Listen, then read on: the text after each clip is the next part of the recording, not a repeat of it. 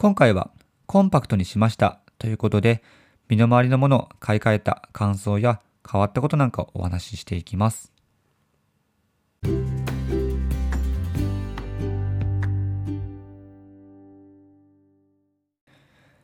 皆さん、こんばんは。ヒロトのふらっと独り言、えー、本日もお話をしていきます。はい、えー、今日は日曜日ですね。もうついこの間、もう土曜日かと思いきや、今日も日曜日に夜ということで、えー、また明日からお仕事が始まるわけなんですけども、まあもう聞いてくださってるね、方の多くは、まあそうなんじゃないでしょうか。はい。えー、また明日から一週間、ね、口を頑張っていきましょう。はい。まあ今日はですね、僕はもう久しぶりにお部屋の、うん、お掃除をしました。はい。まあ、掃除といっても、よく言う、まあ、大掃除みたいな、ね、もう棚を一からあの出して、ね、その中を断捨離するみたいな、まあ、そういったお掃除をしまして、まあ、意外と、うん、物って、まあ、増えていくなって感じますね。まあ、僕今一人暮らしをしてるんですけども、まあ、そんなに物を置くタイプではないので、まあ、実際そこまで時間はかかりませんでした。はい。もう物の1時間ぐらいで、もうすべての、作業終わって、今ね、ちょうど、あの横を見たら、すごいスッキリしてます。はい。いや、よかったです。やっぱね、物がね、スッキリすると、やっぱ気分もスッキリするので、もうね、まあ、掃除は、まあ、定期的にやらないとなとは思ってます。はい。まあね、もう床とかの掃除は、もう毎週1回必ずするようにはしてまして、え、ー、と、まあ今日はちょっとね、サボってしまったんですけども、はい。なので、まあ意外と綺麗好きな面もあったりとかします。はい。まあそうですね。いろいろとやっぱりね、断捨離をしていくと、うん、本当にもう自分が普段使ってるものって、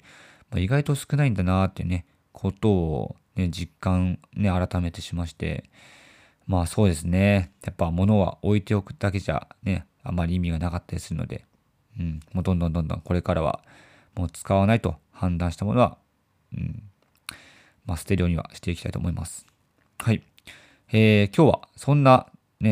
まあ、お掃除と関連するかわからないんですけども、はい。まあ、テーマとしては、えー、コンパクトにしていますということで、はい。えー、このコンパクトですね。まあ、具体的には、自分が普段使っているものを、はい。もうね、まあ、コンパクトに、もうスタイリッシュにするようにしました。えっ、ー、と、例えばですね、どんなものかっていうと、まず財布ですね。はい。もう今までは、ちょっとなんか分厚いね、二つ折りの財布を使っていたんですけれども、もう今は、本当もうね、なんか無駄なスペースがないというか、なんかスタイリッシュなものを、ね、たまたまあのテレビで見て見つけまして、そこのお店に行ってね、もうその、ね、スマートなお財布を買いました。まあ、非常にね、店内の内装とかも綺麗で、結構最近できたお店なんですけれども、はい。もう店員さんも、あの、女性3人で、皆さんお綺麗で、なんというね、お店でしょう。まあそんな、まあ素敵なお店から、うん、スタイリッシュな財布を買いまして、今それを使っております。はい。あとは、まあ財布だけじゃなくて、ドライヤーも最近買い替えました。はい。まあ、今まで使っていたのも、まあ、結構コンパクトといえば、まあ、コンパクトだったんですけども、よりコンパクトの中でも、ちゃんと、まあ、質がいいものというか、ある程度は値段が張って、でも、まあ、スペースを取らない。そんなドライヤーを、あの、僕は、まあ、使おうかなと思って買い替えました。はい。い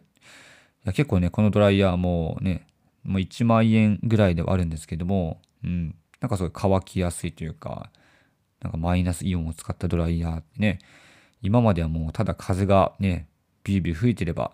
乾くってね、そんな、あのー、イメージだったんですけども、まあそうじゃないみたいですね。うん。なので、そういう新しい発見も、やっぱね、スタイリッシュなものに買い替えたことによってありました。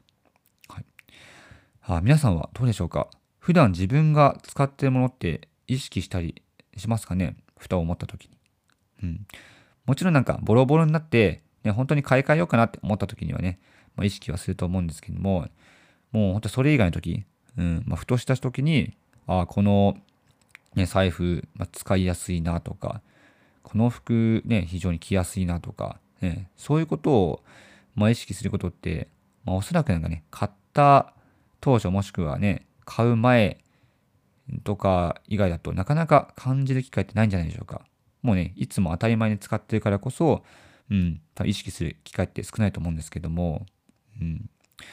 まあ、その中でね、僕、改めてこの買い替える前に思ったのが、結構普段自分が使っていたものって、割となんか必要のない、ま、スペースがあるなっていうふうに感じてました。ま、例えばね、財布を1個あげたとしても、ま、結構大きめの財布って、割と、ま、カードが、ま多く収納できたりとか、あとはね、ま、お財布の、えっ、ー、と、お札入るスペースなんかも、あの、お札用ともう一つが、ま、レシート用みたいに2つに分かれていたりとか、っていうように、割とあのいろんなものが、まあ、入れられるように非常に工夫をされていると思うんですけども、じゃあ実際にいざ自分があのそれを使ってみたときに、意外となんかその、そのスペース使わないなとか、うん、ちょっとあの自分が使うには大きすぎるなっていうね、部分を感じたりとかしたので、はい。なんかそういうことを、まあ、意識ね、するようになりました。はい。まあ、あとは、まあね、バッグなんかもそうなんですけども、意外となんか、でかいバッグを買った割に、大して物を入れなかったりとか、うん、そんなね、まあ、無駄とまでは言わないですけども、うん、割と自分の、なんだ、使用量に対する、その、大きさっていうのが大きいなっていうふうに思うことが結構ありました。はい。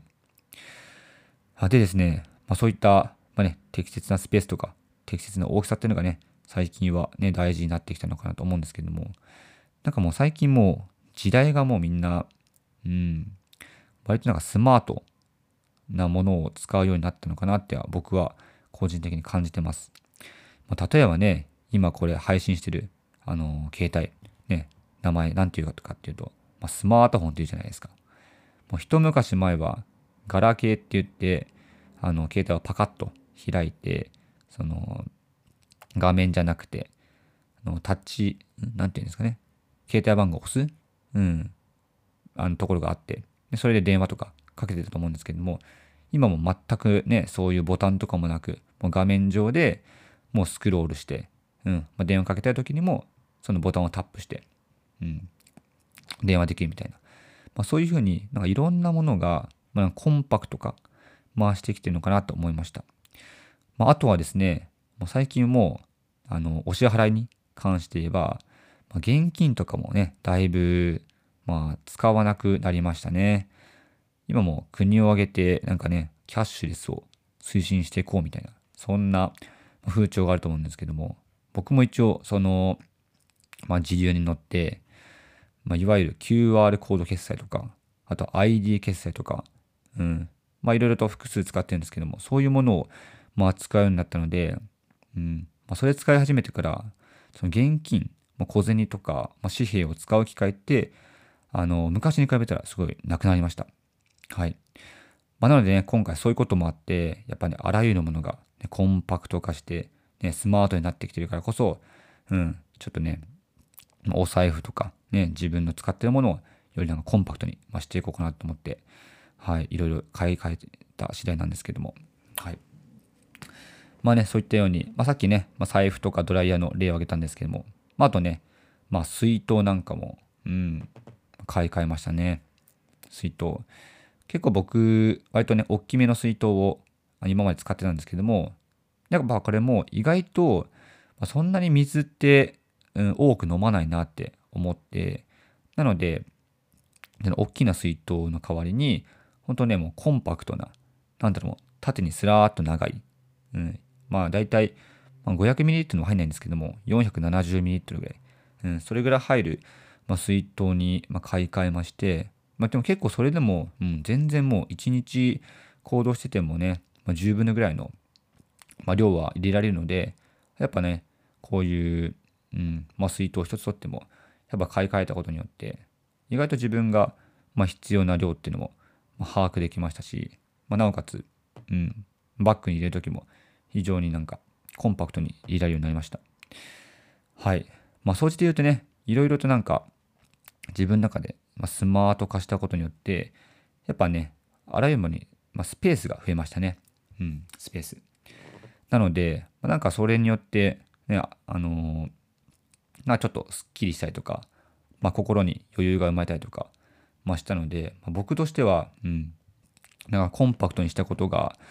うんまあ、非常にね、いい方向に働いたのかなって思います。はい。そうですね。あとはなんかコンパクトなものね、いいところとしては、うん、結構ファッションにもなりますね。うん。まあ、ファッションっていうか、なんていうんですかね。ちょっとスタイリッシュな感じなので、うん。なんかシンプルだからこそいい。